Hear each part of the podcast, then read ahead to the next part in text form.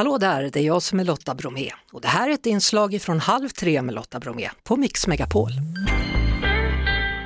Vi konstaterar att på söndag då övergår vi till vintertid och allt mer mörkare dagar ligger framför oss.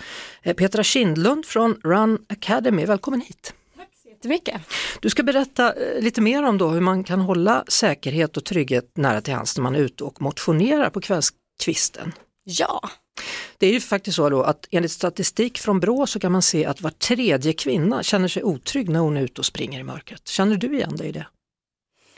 Eh, jag har nog hittat sätt att känna mig mer trygg men jag tycker det är väldigt tråkigt att det är många som känner så. Och jag kan också förstå att många känner så eftersom att när det väl händer något, det händer ju väldigt sällan, men när det väl händer något så får det ofta ganska stort pådrag i media, så mm. det skrivs mycket om det. Så jag kan ju förstå känslan och jag har ju, ibland kan man också själv känna sig lite osäker när man är ute och springer, absolut. Men vad är det man är rädd för ska hända tror du?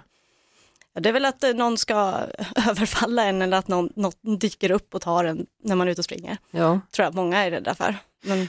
Så vad ska man tänka på? Hur kan man göra situationen för sig själv lite säkrare? För det första tror jag att man måste tänka lite logiskt, att det är väldigt, väldigt liten risk att det faktiskt skulle hända någonting. Eh, jag vet själv när man är ute och springer så är det lätt att man att, att man, kan, man tror att det, att, det, att, att det kommer någonting där. Mm. Men det gäller att tänka logiskt, att det är lugnt, att det, att det är väldigt liten risk att någonting överhuvudtaget kommer kunna hända.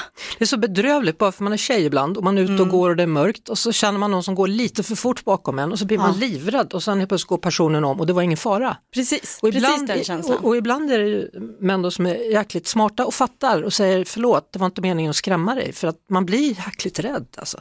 Mm, precis. Eh, men sen andra tips kan ju vara att man har en pannlampa så att man syns ordentligt och ser mer när det är mörkt. Eh, har reflexer på sig också så man syns ordentligt. Vad tror du om att inte ha musik på i lurarna? Eh. Det är det svåra där, för alla vill ju ha det när de springer, men då hör man ju ingenting. Nej, exakt. Men jag tror man ska göra det som man själv känner sig tryggast med så känner man sig bättre med, med att ha musik och känner sig lugnare med det. Det kan också vara att man springer och pratar med någon. För jag menar fortfarande så är ju risken väldigt liten utan det är mer att man själv känner sig rädd och då gäller det att hitta sätt så att man känner sig lugnare. Mm. Du kommer ju då från Run Academy och ni finns på över 100 orter i Sverige. Ja. Hur går det till? Eh, Om man är sugen och vill vara med?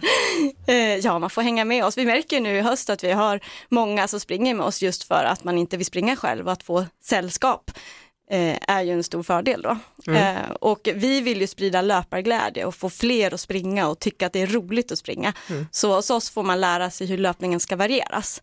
Många kommer och kör ofta samma runda i samma tempo och då blir det inte så kul i längden. Så vi vill lära ut hur man kan variera löpningen för att det ska bli roligare. Mm. Och också känna sig säker istället Precis. för osäker. Mm. Tack så mycket för att du kom hit och Petra Kindlund från Run Academy. Hur mycket har du sprungit idag förresten? Eh, idag har det blivit 10 kilometer. Och, ska du vidare och springa nu efter det här? Eller? Ja, det kanske blir. Oj, oj. Ja, lycka till! Tack! Det var det. Vi hörs såklart igen på Mix Megapol varje eftermiddag vid halv tre.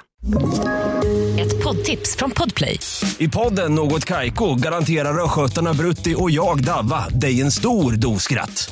Där följer jag pladask för köttätandet igen. Man är lite som en jävla vampyr. Man har fått lite blodsmak och då måste man ha mer. Udda spaningar, fängslande anekdoter och en och annan arg rant. Jag måste ha mitt kaffe på morgonen för annars är jag ingen trevlig människa. Då är du ingen trevlig människa, punkt. Något kajko, hör du på podplay. Därför är gardinerna.